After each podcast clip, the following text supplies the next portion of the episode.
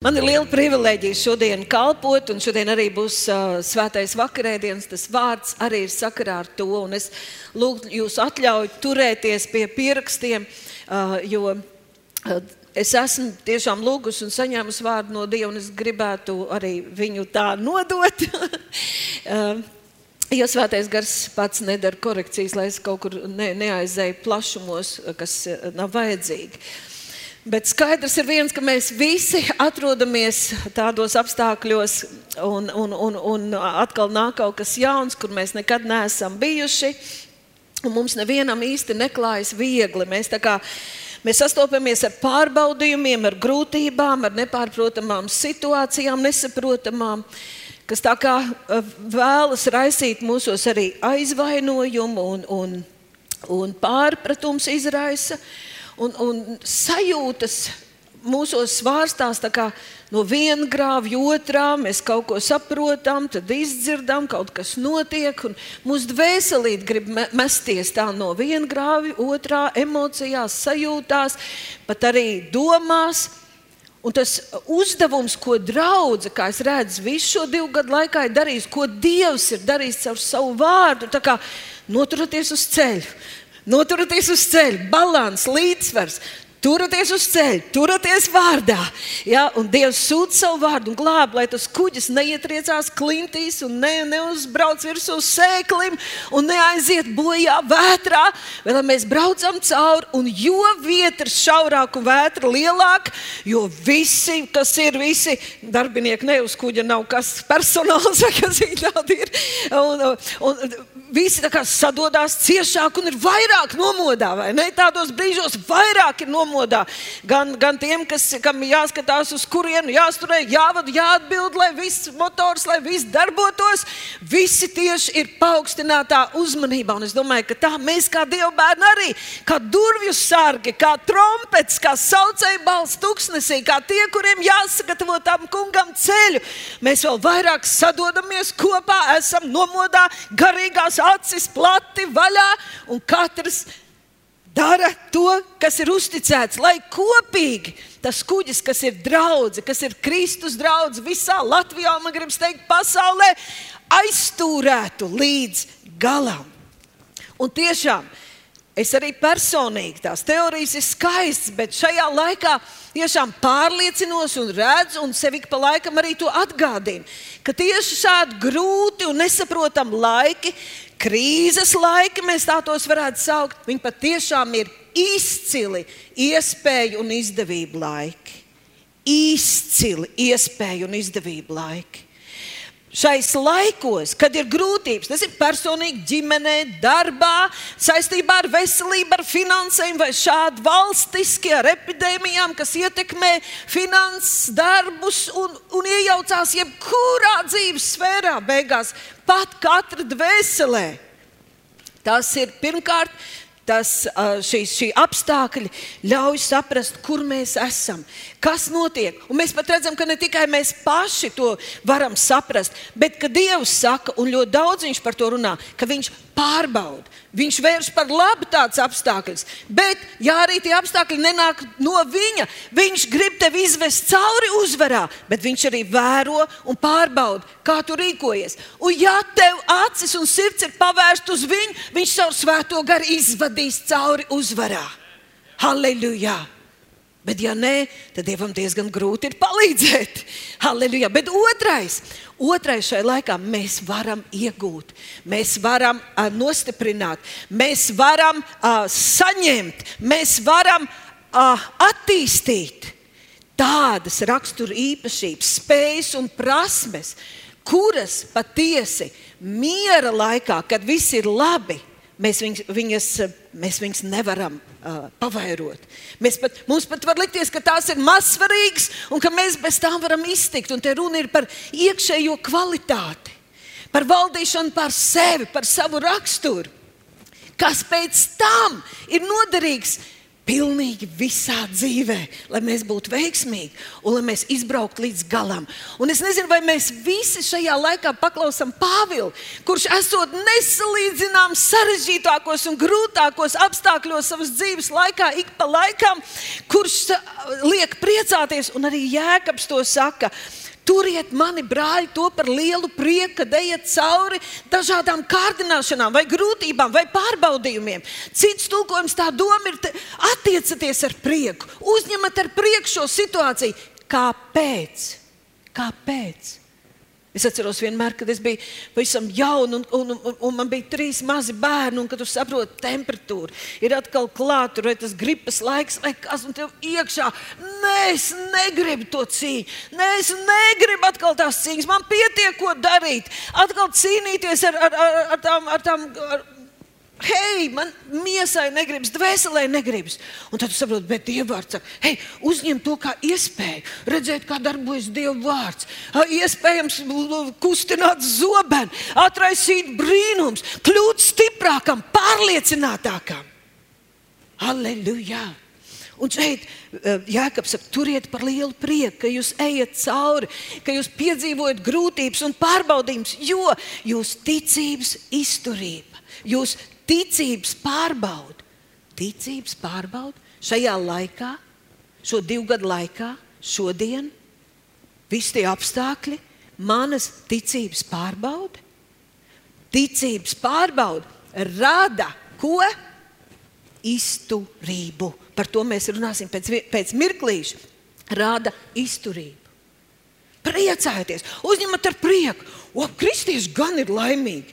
Viņi, viņiem ir spēja priecāties ne tikai tad, kad tev kutina un viss ir baigi labi, bet kristieši priecājas arī grūtību laikā. Uh! Svētā gara prieks ir mūsos. Wow! Tāpēc mums ir laba veselība, tāpēc mums ir stabila nervu sistēma, tāpēc mēs daudz ilgāk izskatāmies jauni. Un mūsu būtība atjaunojas. Mēs lidojam kā ērgļi. Un pat nepamanām, kā izējām cauri grūtībām. Hei, ak, tu mūžs, kam eņģeļi man pārnes pāri. Uh!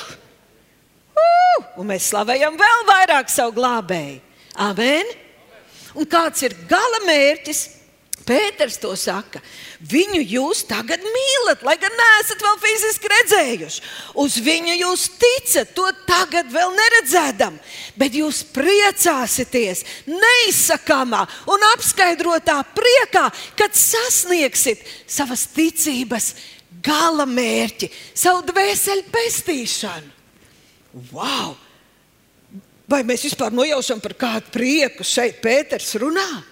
Neizsakāmā un apskaidrotā priekā, kad jūs beidzot sasniegsiet galamērķi. Oh, es atrodos visdrošākajā vietā, Jēzu Kristu, šai lielajā lainerī, un es dodos cauri vētrām, pateicībā, uzticoties, priecājoties. Un mans gala mērķis ir dvēseles pestīšana. Ja vien es turēšu ticību, ja vien es padošu, padošos Dieva vārdam, ja vien es klausīšu Dieva vārdam, un tas ir tik vienkārši bērnam uzticēties Jēzum Kristum, tad es sasniegšu. Šim kuģim ir nosprausts mērķis, gala mērķis, mans dvēseles pestīšana, kur tur es piedzīvošu. Es iešu tādā prieka pilnībā Wow, ko tā ir tikai maza, maza nojausma par to. Jā, bet grūti laiki, tātad grūti laiki daļu cilvēkus tuvina dievam, nostiprina. Viņi kļūst paļāvīgāki, garīgāki, nodevušies, savienotāki, bet daļa salūst, viļās, apvainojas, ieraujas sevīs uh, attālinās no cilvēkiem, līdz ar to attālinās no Dieva, attālinās no draudzes. Ir tāds teiciens, ka dažiem grūtību laikā daži iegūst kruķus, bet daži spārnus. Un šodien tas vārds ir par to, lai mēs visi izmantotu šo laiku pareizi. Jo mums ir viens gala mērķis, mums ir viens ilgu mērķis, bet mums šeit vēl ir jādzīvo. Vēl daudz skaistu, uzvaras, pārdabisku piedzīvojumu laiku, brīžu un mirkli ir priekšā. Mums vēl daudz lietu ir jāizdara. Un tāpēc es šodien tev gribu stiprināt tevi un sevi es iedošu trīs lietas, trīs ieguvumus. Mēs šodien apskatīsim trīs ieguvums. Tikai trīs, viņi ir ļoti daudz, bet šie trīs ir bezgalīgi svarīgi un izšķiroši. Lai mēs katrs personīgi un kā draudzene šajā laikā iegūtu spārnus, nevis kruķus. Lai nevis mēs attālinātos no Dieva, no cilvēkiem, bet lai mēs savienotos un kļūtu vēl stiprāki, vēl ticības, pār, ticības pilnāki, kā Abrahāms. Jo likās, ka nebūs iespējams, jo visi apstākļi rādīja, ka tas nav iespējams, jo viņa ticība kļuva daudz stiprāka, un viņš kopā ar Dievu smējās pēdējais.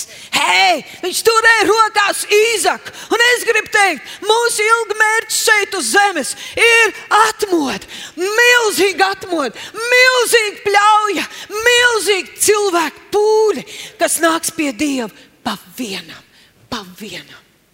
Un jau šobrīd, mīļie, jau šobrīd es dzirdu, redzu un piedzīvoju, kad ir cilvēki, kas teica, ka netic dievam, tā kā negrib ticēt dievam. Bet tad, kad ir pavisam grūti, viņi meklē cauri kā dievu bērnu. Un, kā tu tagad uzvedies? A, ko tavs dievs saka?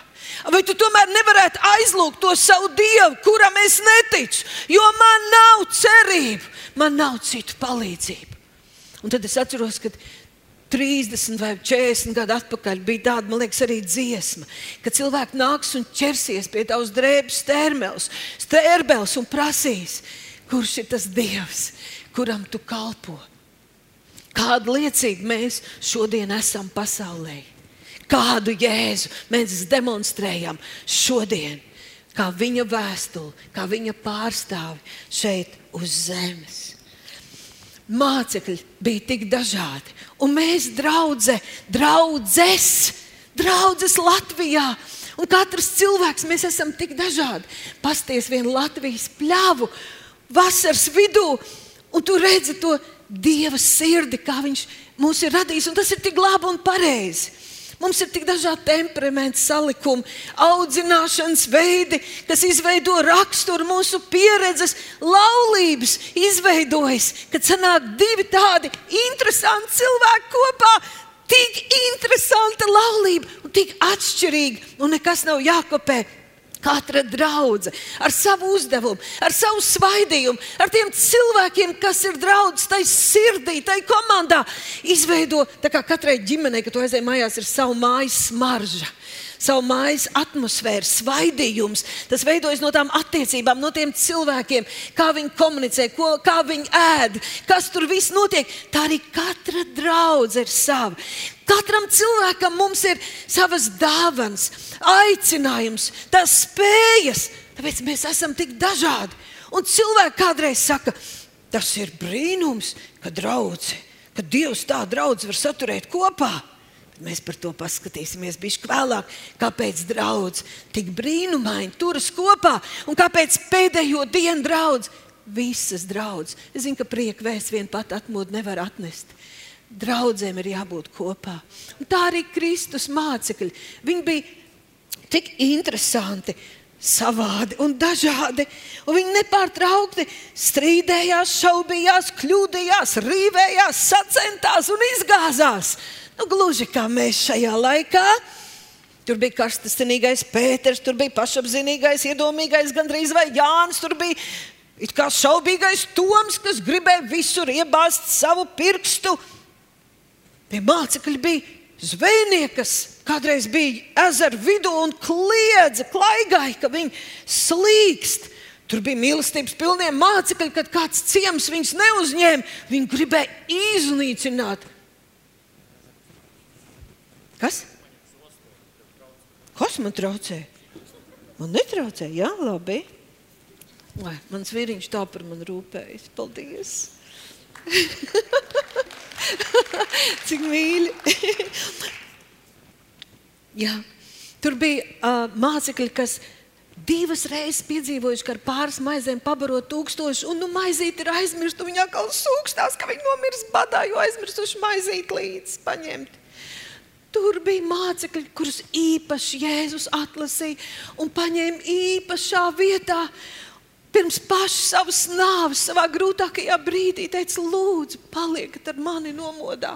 Un viņa aizmīga, un ne jau vienreiz, trīs reizes. Tur bija Pēters, kurš teica, ja visi tevi nodos, es nemūžam tevi nenodošu.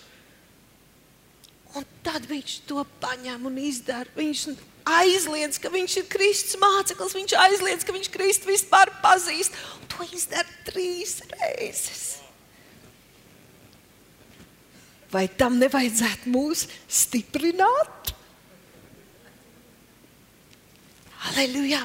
Mācekļi bija tik vienkārši, tik vienkārši vīri, tik parasti cilvēki, kurus Jēzus lietoja tik neparastā, brīnumainā veidā. Un tomēr, un tomēr šie vīri ar kaut ko atšķīrās no pārējiem. Šiem vīriem bija kāda kvalifikācija, nekvalificētie Un tomēr viņos, viņiem bija kāda kvalifikācija. Viņi mīlēja Jēzu, viņi mīlēja Dievu, viņi bijās Dievu. Viņi bija gatavi, viņi gribēja, un viņi to arī savā dzīvē izdzīvoja. Viņi bija nodevušies, viņi sekoja Jēzum. Viņi bija atstājuši visu, viņiem arī bija ģimenes bērni, viņi par tiem rūpējās, un sievas saprata savus vīrus. Tur bija savas problēmas un tā tālāk, bet viņi sekoja Jēzum. Viņi bija gatavi, un kad vajadzēja, viņi arī deva Jēzus dēļ savas dzīves. Viņi kļūdījās. Viņi izdarīja bezgalīgi daudz visādas muļķības. Man gribētu šodien teikt, sakarā ar šo vārdu. Viņi bija gatavi mācīties un mainīties. Viņi bija gatavi mācīties, saprast un mainīties. Un es gribu teikt, ka cilvēks, kurš sāk uzskatīt, ka viņš visu jau zina un saprot, un ka viņam vairs nav jāmācās un jāmainās, es runāju par, par, par to, kā Dievs grib mūs vadīt, ko, ko vārds saka padoties vārdam, paklausīt vārdam, saprast vārdu. Varbūt, kad es nesaprotu pareizi, varbūt, ka es vēl neesmu Jēzus un neesmu svētais gars, un varbūt, ka Jēzum vēl ir ko atklāt man. Cilvēks, kurš vairs nav gatavs mācīties un mainīties, viņš ir garīgi miris.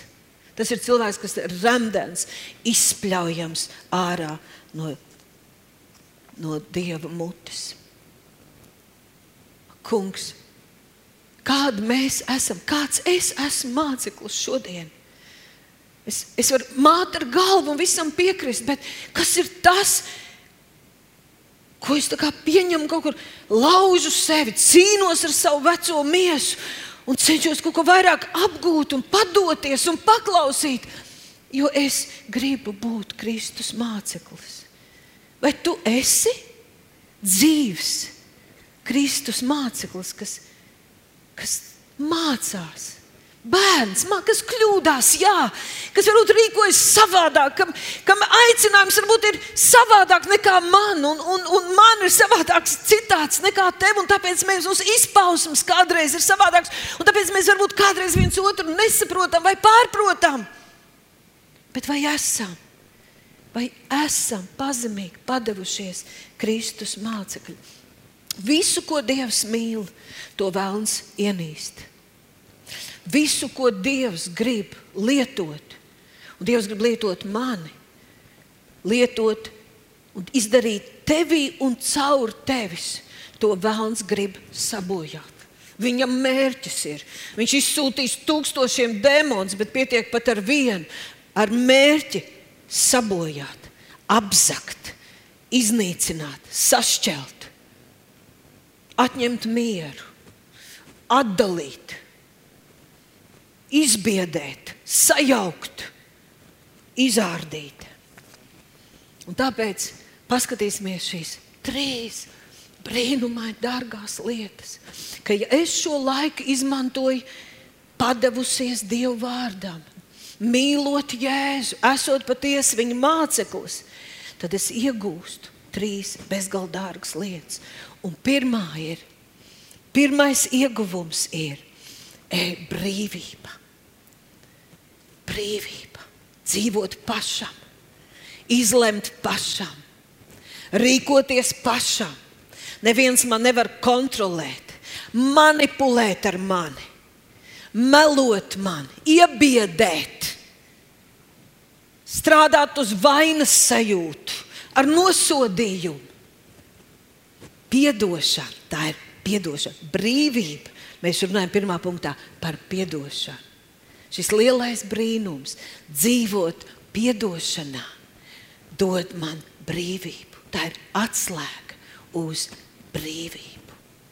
Cilvēks, kurš dzīvo piedošanā, cilvēks, kurš mācās šai laikā, sāsinātā veidā mācās no Jēzus šo likumu un pavēli, tikt galā ar savu egoismu un dzīvot piedošanā, iedzīvo brīvībā.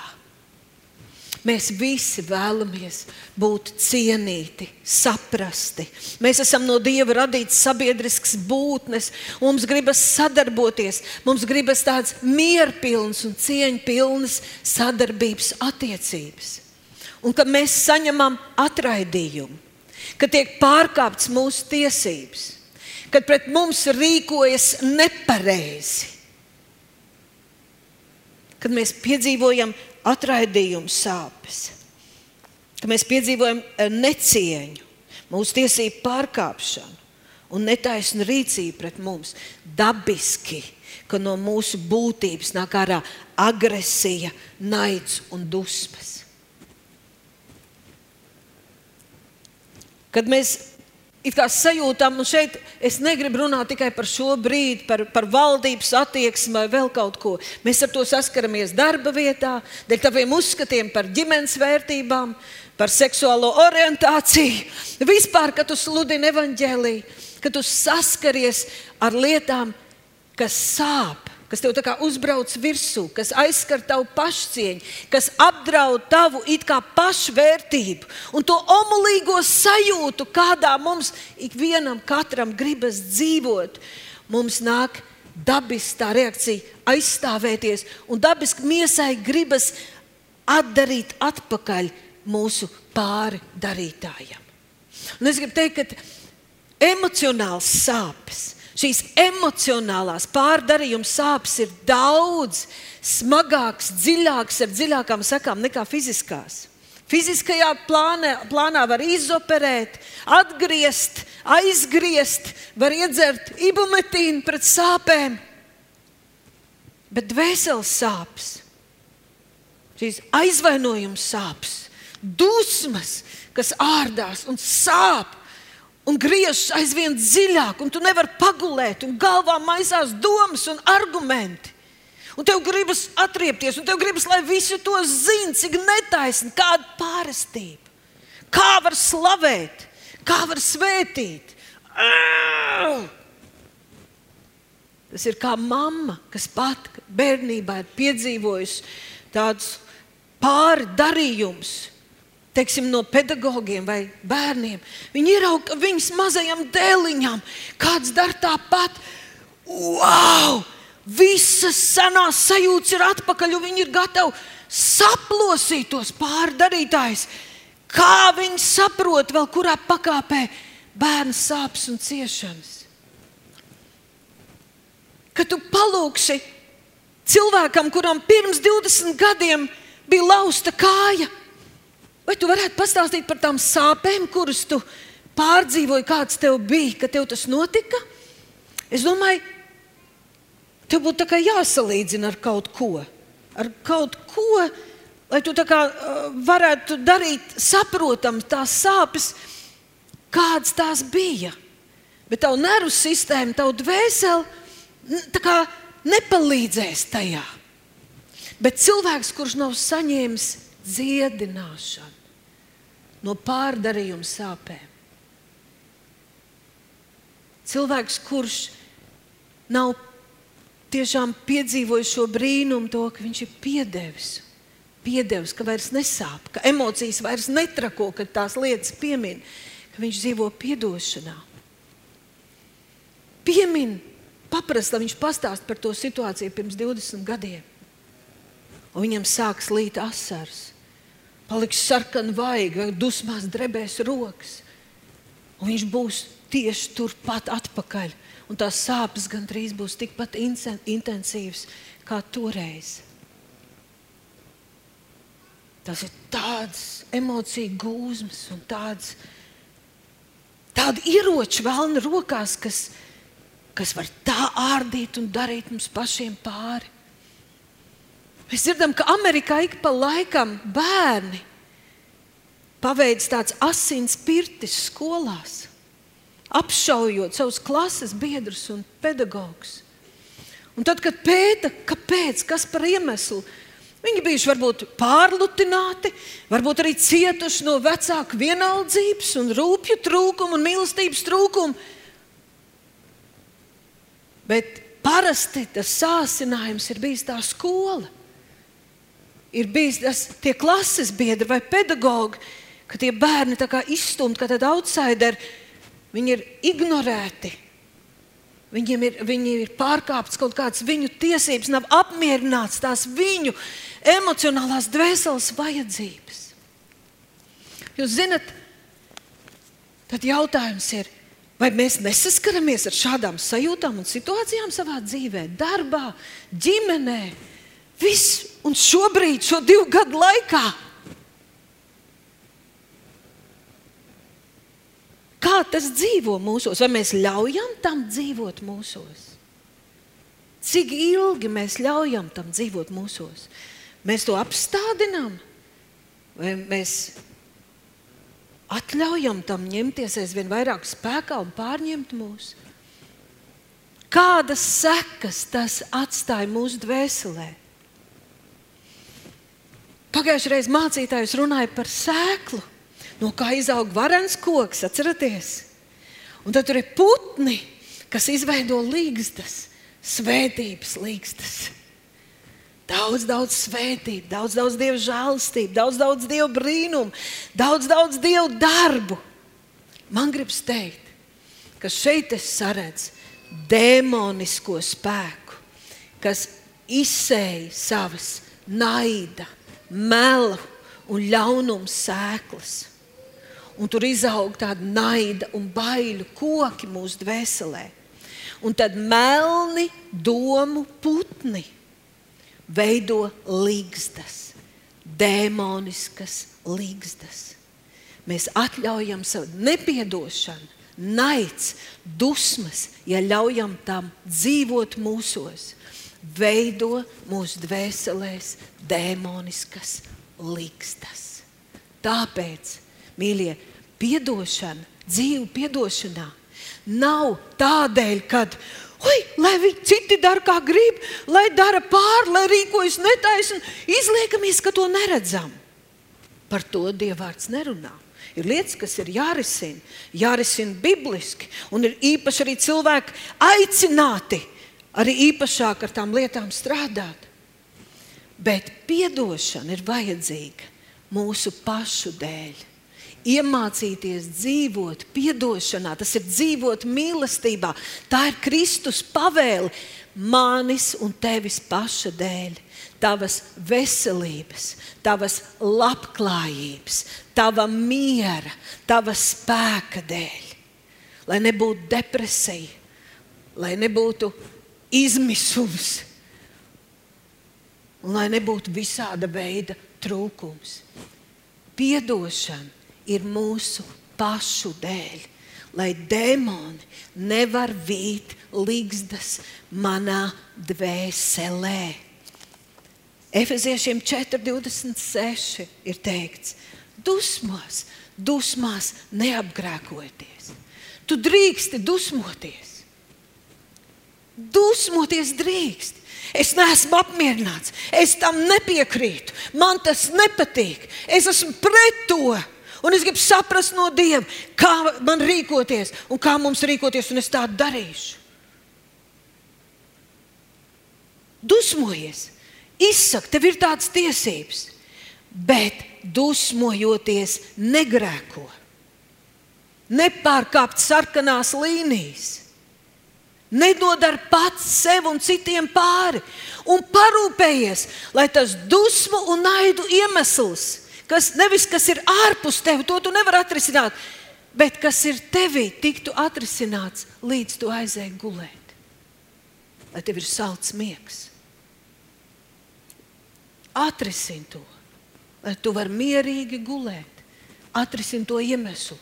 Pastāsti Dievam, nokārto attiecības, atraisi un piedod. Jo piedošana ir atslēga uz brīvību.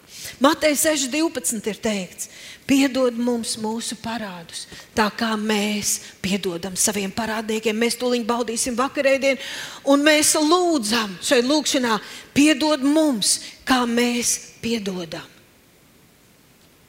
parādnieki, zina, ka viņi mums kaut ko parādā, atvainošanos parādā, paskaidrojumu parādā. Mēs gribam, lai dzīves draugs, kas nodarīs pāri mums, lien uz ceļiem un, un, un pērk, pērk zelta gradzenus. Lai viņš izrāda, cik ļoti sāp, nožēl, lai bērns saprot un lūdzās atdošanu, un tā tālāk, un, tā pro, un joprojām. Bet te ir teikts, Arī mēs taču esam. Citu tulkojumu saka, lai mēs piedodam tiem, kas ir izturējušies pret mums nepareizi.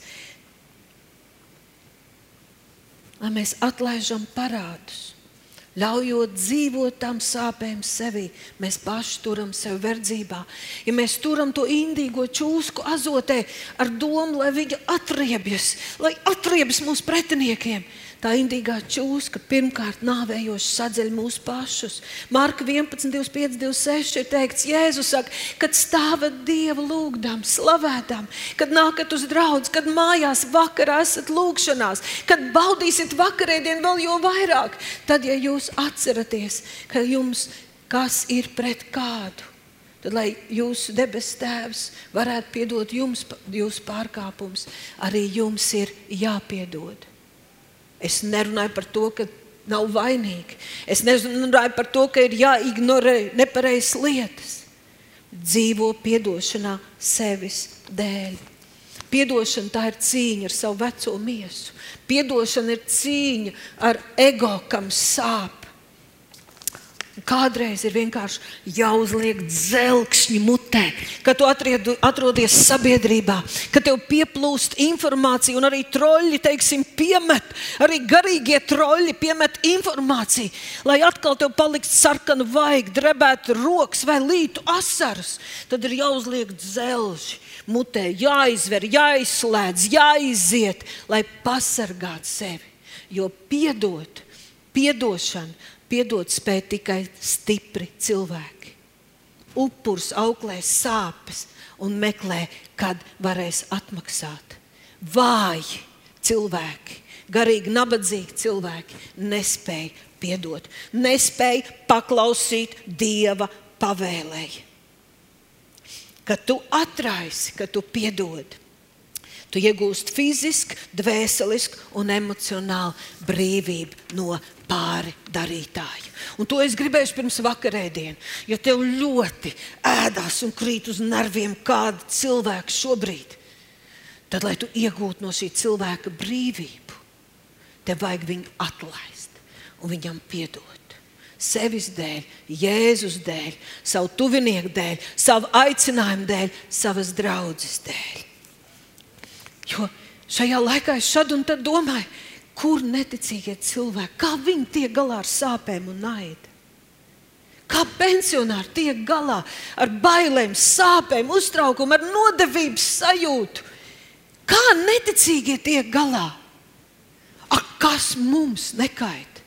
Kas tev, kristiet, nekait? Piedod, ja Jēzus tev ir piedevis ja Jēzus mūs ir pieņēmis, ja mēs saņemam simtprocentu atzīšanu, sapratni, pieņemšanu, mīlestību, ja katra mūsu dvēseles vajadzības poriņš, šūniņš, mazākais atomiņš var saņemt visu piepildījumu, kas vien mums ir vajadzīgs.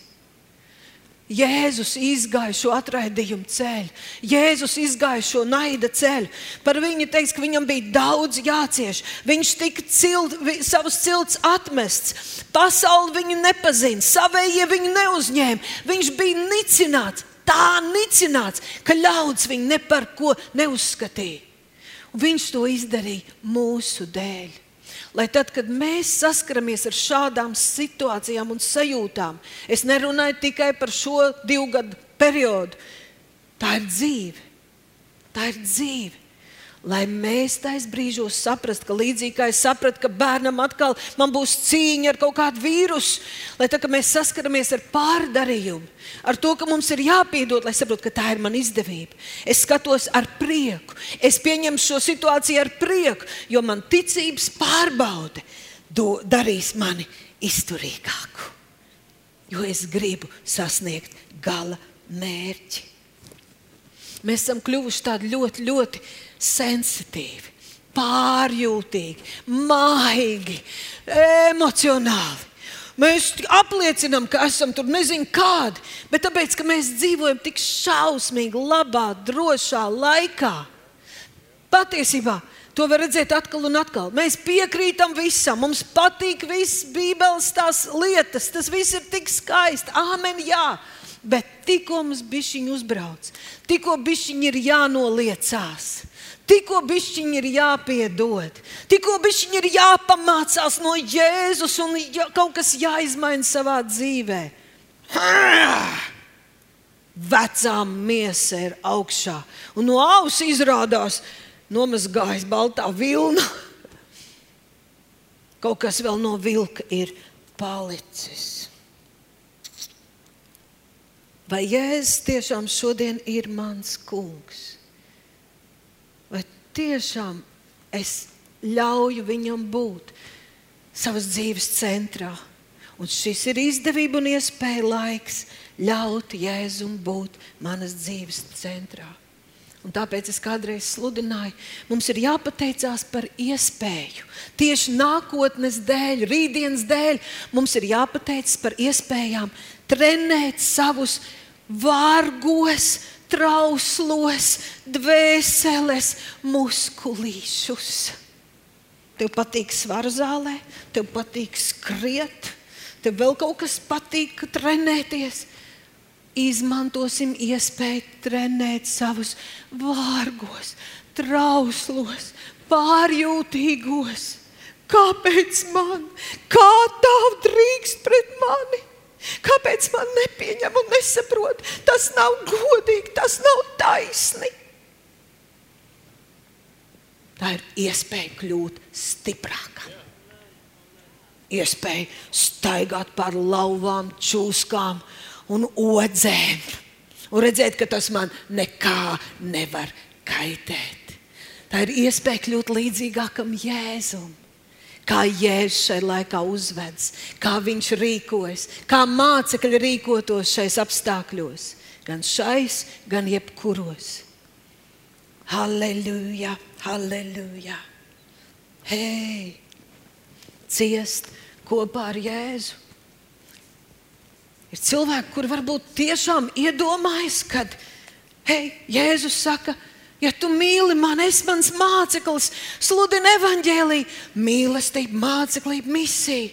Hei, vai tiešām ir kristieši, varbūt kādi, kas saka, nē, Jēzu, es nevaru šoreiz, šobrīd būt ar tevi, jo es ciešu kopā ar tevi. Es sēžu mājās un ciešu kopā ar tevi. Es nevaru paklausīt tavam vārdam. Es esmu izlēmis ciest kopā ar tevi. Zini, kā ar ciest kopā ar tevi? Ja tu gribi ciest kopā ar Jēzu, tad izai cauri tam ciešanas laikam. Ja griež grauds nekrīt zemē un nemirst, tad viņš paliek viens. Kad viņš mirst, viņš nes daudz augļus. Ja gribi ciest kopā, ja tu tiešām gribi ciest kopā ar Jēzu, tad ej ielās un sludini evaņģēliju. Vēl nav pēdējā diena. Kāds varbūt saka, hei, es gribu būt sagatavoties, lai tas zvērs, ka nāks, lai es viņu pamanu.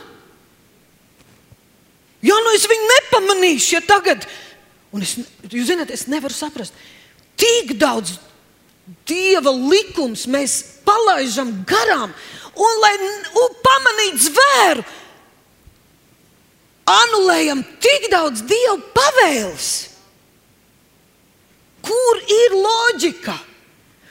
Bet, ja nu es tagad, tad varbūt nepamanīšu zvēru. Tas ir pāris raksturvietas atklātas grāmatā, bet lai to zvēru pamanītu, un lai tu iet viņu priekā un skatītu Jēzus godību un, un viņa vaigu, taču ir viss, viss evaņģēlīja. Viss vārds taču ir tikai tāpēc, lai, kā Pēters teica, lai tas galamērķis tiktu sasniegts. Hei, kas ar mums notiek? Te nav jautājums tikai par vakcinētiem un nevakcinētiem. Visi cieši, visiem miesas cieši. Es zinu, kristieši Latvijā tur viens otrs saka, es jau pusgadu arī vakcinētie. Ja mēs pieskaramies šim jautājumam, es nevaru iet uz draugu. Kāpēc? Tāpēc, ka draudzē mani uzskata par grēcinieku. Es zinu mācītājus, kas jau pirms pusgada un vairāk novakcinējās. Kad mēs par to vēl vispār nedomājām un nerunājām. Viņš saka, es nevaru teikt saviem amata brāļiem, kur nu vēl draudzēji. Mīļie kristieši! Mums nav. Neticīgiem nav nekas jādara, lai ārdītu draugu vai vēlnam. Mēs paši to izdarām. Nomirsti sev, padodies Dievu vārdam Baudi Dievu mīlestību pašā vētras vidū.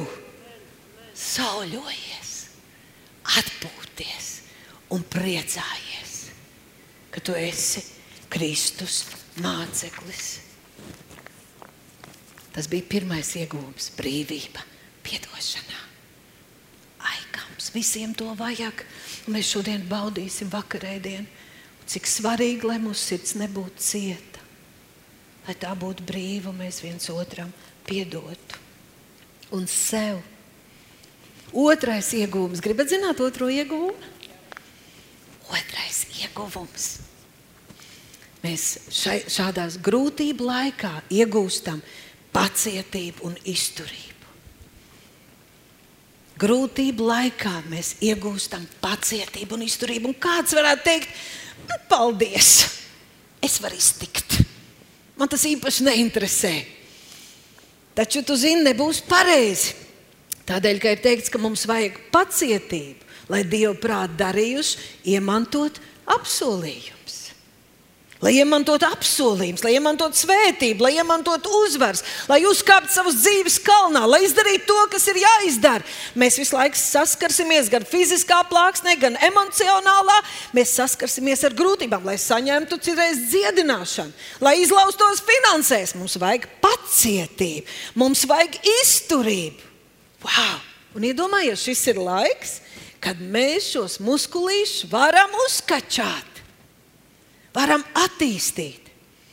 Un Jēzus, kurš nepārtraukti saskārās ar šādām situācijām, Mateja 11. nodaļā, 29. pantā, saka, jūs esat pārguruši, jūsu dvēseles ir pārmocītas, mācieties no manis. Mācieties no manis, jo es esmu lēnprātīgs un no sirds pazemīgs. Mācieties no manis. Tā jūs atradīsiet atvieglojumu savām dvēselēm, vai man patīk, kā cits tulkojums saka tieši šo atpūtu, ka tu vari sauļoties Dieva mīlestībā visgrūtākajā brīdī. Būt viņa klātbūtnē un savā dvēselē atpūsties. Te Jēzus patiesībā runā uz kalpotājiem, uz mācekļiem, uz tiem, kas mēs, mēs visi gribam darīt pareizi. pareizi. Visi. Un tāpēc saka, mēs esam tik dažādi, un mēs kļūdāmies, un kādreiz kaut ko pārspīlējam un pārprotam. Bet mēs visi gribam. Un mums visiem kopīgi tā laiva ir jāizstūrē cauri.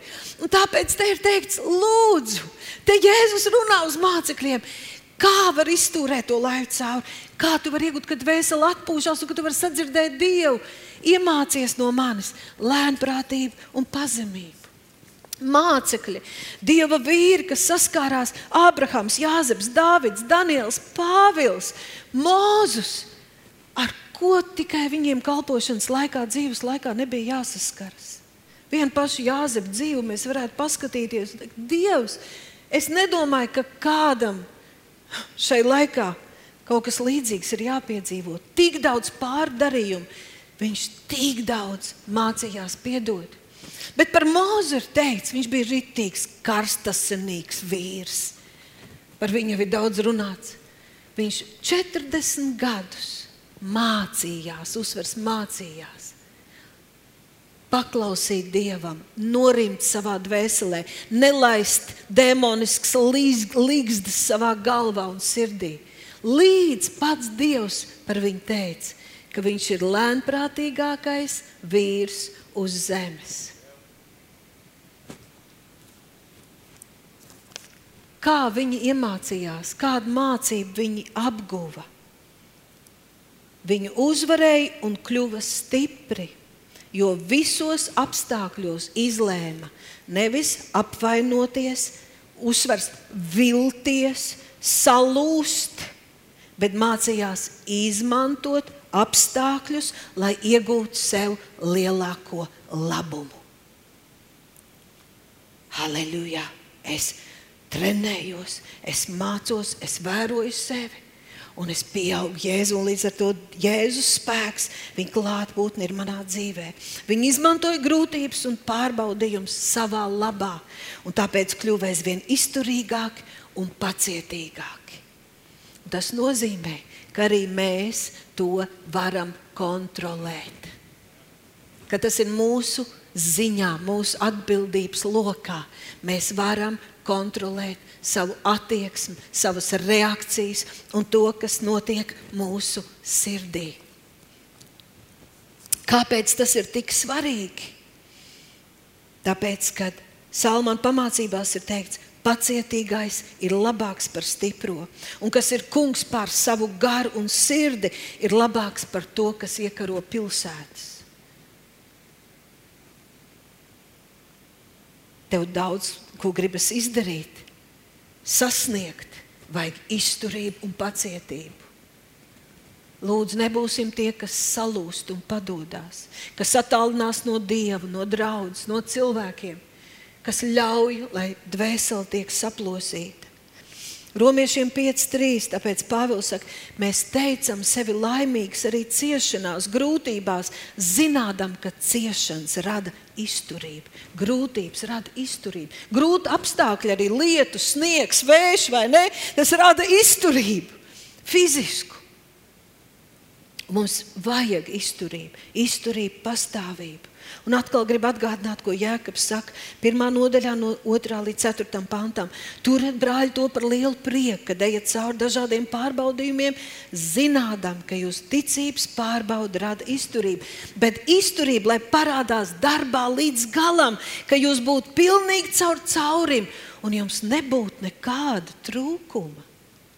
Es redzu, ka Tas viens no mīlestības aspektiem, tātad lēnprātība, kas sastāv no izturības un pacietības, ir tā tāds milzīgs tanks, acīm redzot. Izturība uz atdošanu, izturība uz žēlsirdību, izturība uz ticības labajiem darbiem izturību uz kalpošanu, izturību uz padošanos, izturību uz rūpēm par savu ģimeni, izturību būt uzticamam, laulātajam un sargāt mīlestību, izturību rūpēties par saviem bērniem. Izturību, izturību.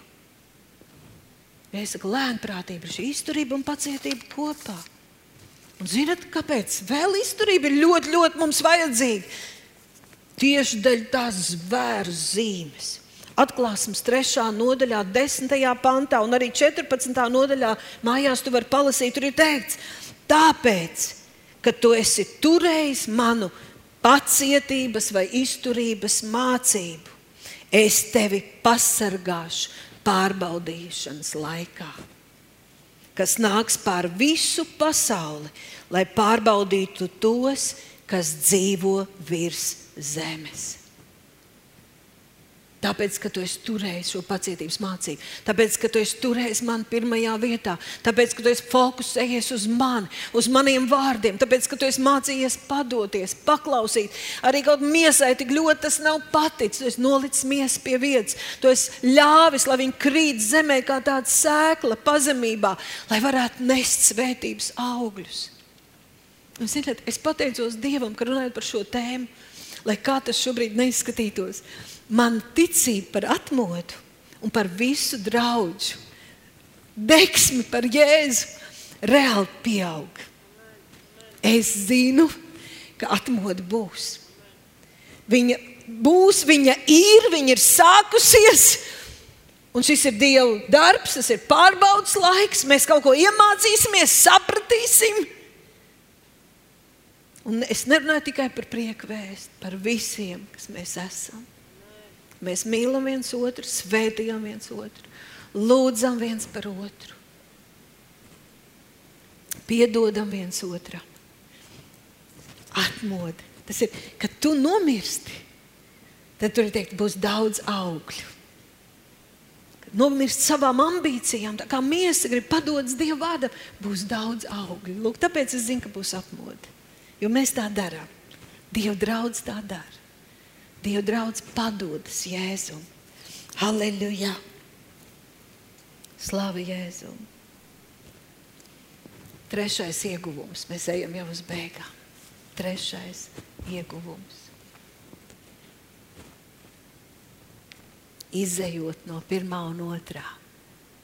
Svētība, kuru tu iegūsti, svētība pārpilnības, bezgalīgi daudz svētību, visa tēva sirds, viss debesu atbalsts, visa eņģeļa kalpošana. Svētības, kuras tu iegūsti, kad tu sargi vienotību.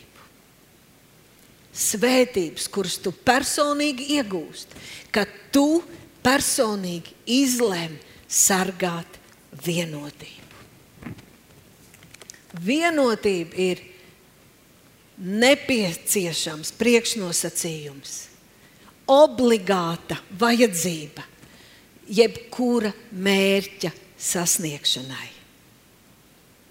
Vienotība nav tā kā pašmērķis paš, pats par sevi lai laulība eksistētu. Laulātajiem ir jābūt vienotiem, vienā prātā, lai bērni izaugtu veselīgi, drosmīgi, droši, lai viņi varētu attīstīties. Viņiem jāaug vidē, kur ģimene, kur laulātie ir vienoti, vienā prātā atraduši kaut, kaut, kaut ko svarīgāku un dārgāku par sevi un tam padevušies kādām vērtībām un prioritātēm. Kāpēc? Lai tā laulība varētu pastāvēt, lai tā laulība varētu izaudzināt bērnus, lai tā laulība varētu izdarīt kopīgi to, kāpēc viņa ir veidojusies, lai tā laulība varētu attīstīties, lai mīlestība varētu uzplaukt, lai viņa būtu pasargāta ir jāsargā vienotība.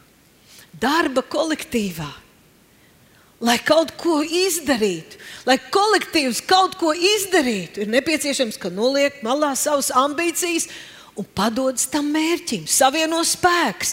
Katrs pieliek savu dāvanu, lai sasniegtu mērķi. Komandu sporta spēlēs, lai kaut ko sasniegtu, nav iespējams uzvarēt ja nepadodas tiem noteikumiem, ja nav sadarbība, ja nav atbalsts, ja nav vienprātība, tad tas ir izsmieklis, nevis sporta spēle. Politikā koalīcija ir tāds ļoti interesants veidojums. Un es kādreiz jūtu līdz tiem politiķiem, kuri atrodoties koalīcijā, ir vienojušies par kādu lēmumu kuru vajag nostiprināt un iesniegt. Un tad, kad kādā raidījumā kādam no politiķiem jautā, ko jūs pats par to? Nē, nē, nē nesaka to, to jau koalīcija. Ko jūs pats par to? Un tad tas koalīcijas pārstāvis saka, es nevaru teikt savus domas, jo jūs viņus paķersiet un visu kaut kur izvilksiet, bet es esmu koalīcijā un mēs esam vienojušies. Un tad, kad koalīcija tā nerīkojas, Tad tauta saka, hei, kas tur notiek? Es domāju, šobrīd Ukraina ir pateicīga un viņi ļoti, ļoti, ļoti gribētu un priecājas, ja Eiropas Savienība, ja NATO ir vienoti? Es domāju, ka Polija, lai kā tur nebija tās attiecības, viņi arī ir priecīgi un viņi gribētu un grib šo vienoto atbalstu no Eiropas Savienības. Šo kā, hei, lai, lai kā tu tur sprāgāji vai nepareizi rīkojies, tā varētu likties Eiropas Savienībai. Tā neuzskata Polija, bet tad, kad ir uzbrukums un tiek apdraudēts Polijas robežas, tad piedodiet, ne, ne visiem mums patīk šis iestādījums, kā Eiropas Savienība, bet es domāju, ka poļi priecājas ka visi sadodas kopā un aizsargā to vājāko posmu visu drošības labā. Bet tā ideja par vienotību nenāk no cilvēkiem, nenāk no politiķiem. Tā ideja par vienotību, un Bībele tik bezgalīgi daudz runā par vienotību, par grēku viņa tik daudz nerunā un nāvi. Tā ir Dieva ideja. Tas ir Dieva priekšnosacījums. Runājot par vienotību, tur ir vārds klāt obligāti, kas šajā laikā mums ļoti, ļoti nepatīk. Un ir politiķi un mediķi, domā, kā savādāk pateikt, lai nepieminētu to vārdu obligāti. Bet Jēzus runājot par savu ķermeni, viņš ir galva, un viņa miesa. Viņš saka, lai miesa pastāvētu, lai miesa funkcionētu, lai miesā nebūtu iekaisuma un slimības, un neveidotos audzēji, kas ārda pašu ķermeni no iekšpuses. Viņš saka, tu esi atbildīgs par vienotību. Es pieprasu, lai tu sargātu vienotību, lai tu būtu koalīcijā zem Dieva vārda. Dievs teica, mēs esam viens, viens Dievs, vienots Dievs, trīsvienīgs Dievs. Aleluja! Un ja mēs gribam būt, viņš ir galva, mēs daļa no viņa ķermeņa. Mums ir jāievēro subordinācija. Mums ir jāievēro Dieva likuma, Dieva vārds. Savādāk ir tāda lieta, ka apendicīts vai aklā zārna. Ja? Aklā zarna, ja viņi tur sāk iekaist, tad pēc iespējas ātrāk ir jāizgriež. Jo tad, ja viņi iekaist un progresē, viss ķermenis var nomirt no vienas mazās iekaisušās aknā, aklā zarnas. Cilvēks var aiziet bojā. Cilvēka ķermenis tik brīnumaini funkcionē. Viss debesis tik brīnumaini funkcionē. Tur asteroīdi nemētājas, nedauzās viens pret otru un negāžās lejā planētas nekaujas savā starpā, darbojas Dieva likumi. Mūsu ķermenim, ja viņš būtu vesels, tur visam ir jāsadarbojas. Kad ķermenī kādas vielas, kaut kas, kāda disfunkcija izveidojas, un viņš sāks ārdīt no iekšpuses, strādāt pret, pret sevi, tad tas aiziet bojā. Atcerieties, kā Jēzus teica, ka nams, ģimene, valsts nevar pastāvēt, ja tas ārdītājs no iekšas, ja jūs neturat vienotību, ja jūs nesargājat vienotību, kādu vienotību? Ne jau paklausīt kaut kādām visādām dumjām cilvēciskām idejām. Ja jūs esat mācekļi, padodaties Kristum, padodaties vārdām, Kristus pavēlēm, Kristus pavēlēm, ne jau cilvēku.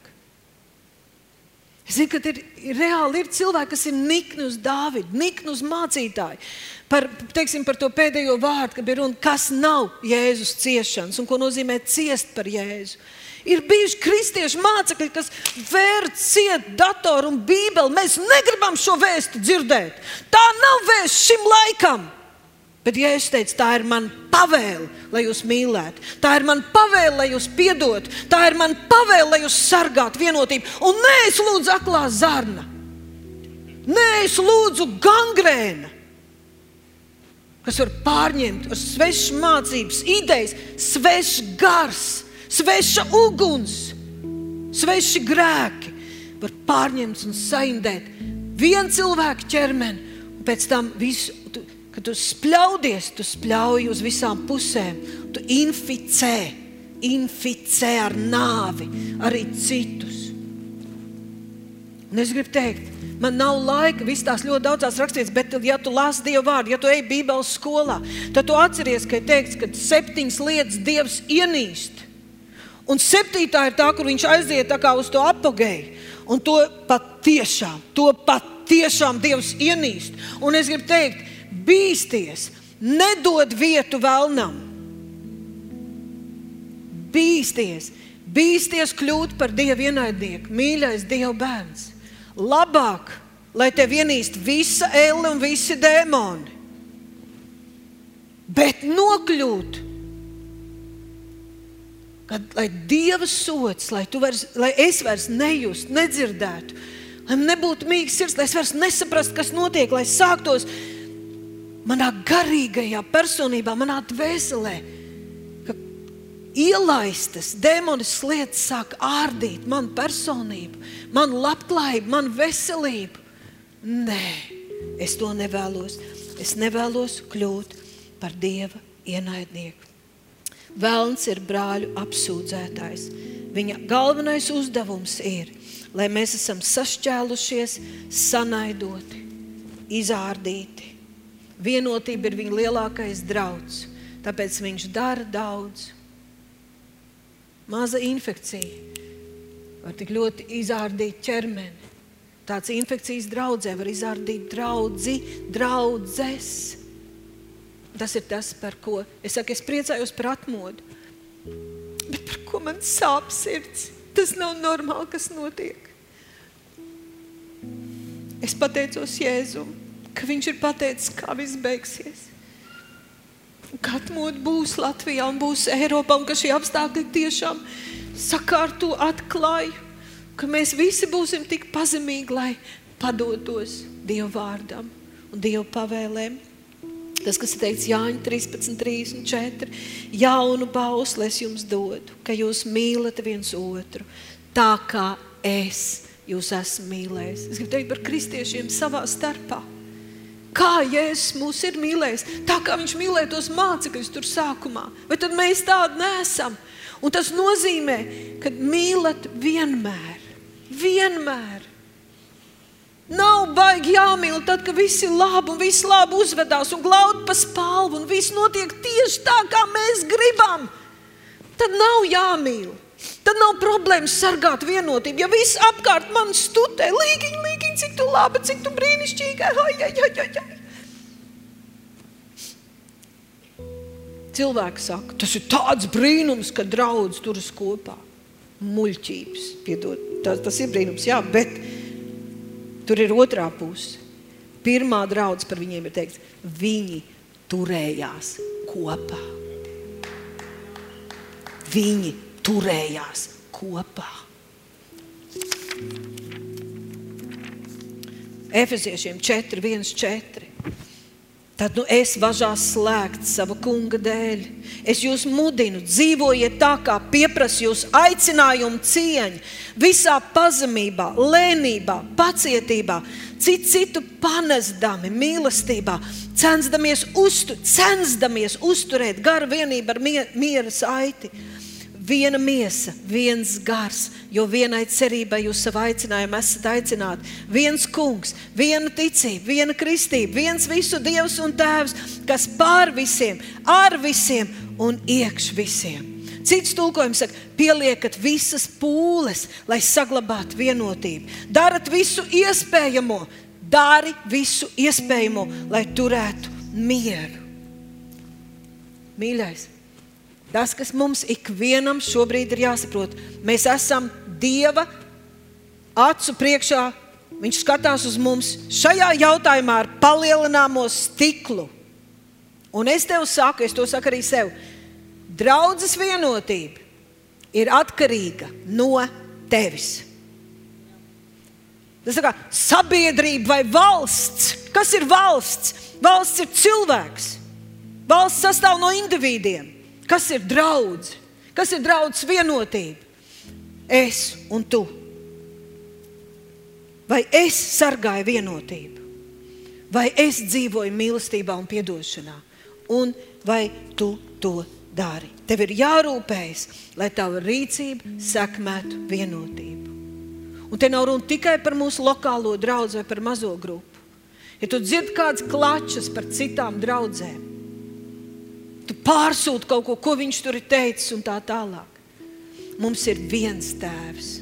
Un tie, kam ģimenē ir vairāk bērnu, zina, cik dažādi ir bērni, kā viņi sakašķējas, kādas muļķības viņi izdara. bet pasaka kaut ko sliktu vai nodara pāri kādam no tiem bērniem, tu būsi sakaitinājis tēvu.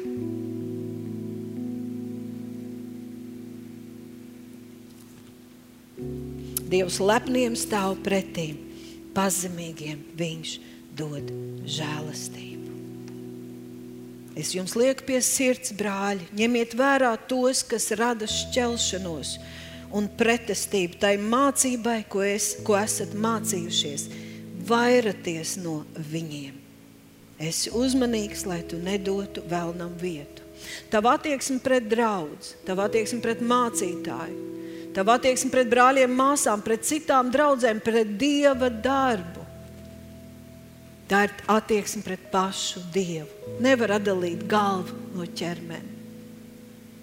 Nevar smieties par savu brāli, tas atklāt viņa kailumu kaunu. Smieties, norādīt ar pirkstiem par savu brāļu kļūdām vai kādiem izgājieniem. Hei, ja kādam sāp, visam ķermenim sāp. Ja kādam ir prieki, visi priecājas.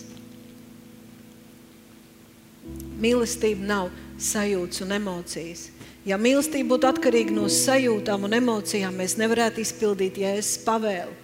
Bet Jēzus patiesībā parāda, ka mīlestība ir darbības vārds, mīlestība ir gribas lēmums, mīlestība ir sirds izvēle. Un mīlestībai patiesībā nav nekas kopējs ar sajūtām. Tāpēc es ticu, ka Jēzus neko briesmīgi nejūt tajā brīdī, kad viņš gāja par mums mirt un gatavojās to darīt. Un neviens īsti nesaprata, kāpēc. Viņi izsmēja un lamāja. Un viņš tajā pašā laikā saka, Jāņa 15, 13. Neviens nemīl stiprāk par to, kurš savu dzīvību dod par saviem brāļiem. Neviens nemīl stiprāk. Ja jūs esat mani draugi, jūs esat mani draugi, ja jūs darat to, ko es jums pavēlu. Ne jūs man esat izredzējuši, bet es jūs esmu izredzējis un jūs nolicis, ka jūs ejat un esat augļus, un lai jūsu augļi paliek. Jo visu tad, ko jūs lūgsiet manā vārdā, viņš jums to dos. Un 17. pāns atkal tā ir mana pavēle, ka jūs mīlētu viens otru. Un, ja es neteicu, tā ir mana pavēle, lai jūs mīlētu visu pasauli, tas mums tik viegli ir izdarīt, vai ne? Mēs jūtam tādu mīlestību pret visu pasauli, pret visiem neglābtajiem, ko mēs neesam redzējuši, varbūt nekad neredzēsim. Bet ir teikts viens otru. Tā ir mana pavēle, lai jūs mīlētu viens otru. Lai jūs mīlētu mani un es jūs un savā starpā. Un mīlestība sastāv no tik daudz īpašībām, par ko šodien nerunāšu. Patiesībā, ko Jēzus šeit saka? Gribi svētību, gribi, lai tavs lūgšanas tiek paklausīts, gribi saņemt, tev vajag kaut ko no manis, sargi mīlestību. Aleluja! Piecelsimies kājās! Aleluja, aleluja, aleluja. Kaut kā visas šīs trīs lietas, kad mēs skatāmies visas tās raksturvietas, tur ir tā doma, ko Jēzus arī konkrēti saka: mācieties no manis. Mācieties no manis. Mīļais, mazliet koncentrējies vēl. Jēzus saka, mācies no manis. Un man ir tādi jautājumi. Es piedodu, es uzbraucu tu formā, nevis mēs, bet man gribas, lai tas aizsniedz tevi. Padomā ļoti nopietni mājās, un lai tas jautājums tev paliek, vai tu kaut ko šajā laikā tiešām mācies no Jēzus? Vai tu ļaujies, lai Jēzus tevi pamāca. Mēs tuliņ baudīsim vakarēdienu.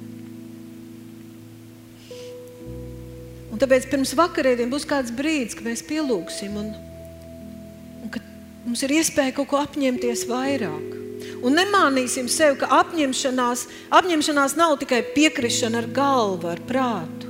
Apņemšanās ir reāli, citreiz zops sakožot, kaut ko darīt. Vai tavi vārdi un darbība šajā laikā stiprina kristiešus tev apkārt, tavu ģimeni un kristiešus tev apkārt?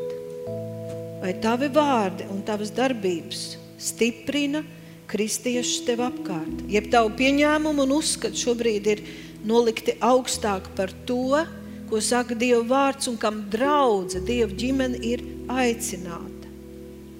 Mīlēt cilvēkus nozīmē palīdzēt tiem iemīlēt Dievu. Tas ir mūsu uzdevums.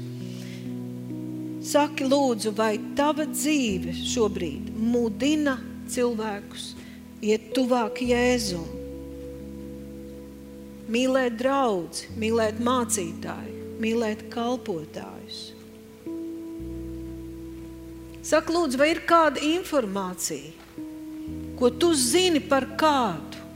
Es runāju arī par citām draudzēm, par citiem mācītājiem.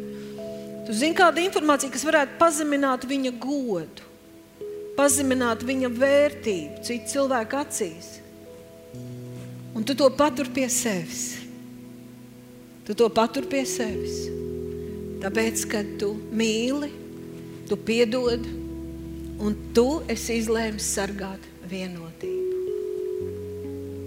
Kaut šīs lietas mūsu dzīvēs aizvien vairāk vairotos, un kaut mēs izlēmtu, katrs šodien ļoti apzināti izlēmtu braukt ar to kuģi tai pareizajā virzienā, kas sastāv no pareizām izvēlēm un iespējām, un mēs iemācāmies dzīvot mīlestībā, piedošanā, iegūstam izturību un pacietību, tas ir to lēnprātības augli, sargājam vienotību. Un, ja mēs sargājam vienotību, tad būs atmoda. Būs dziedināšana, zīmes un brīnumi. Tie notiks arī tagad, kad mēs baudīsim vakarēdienu.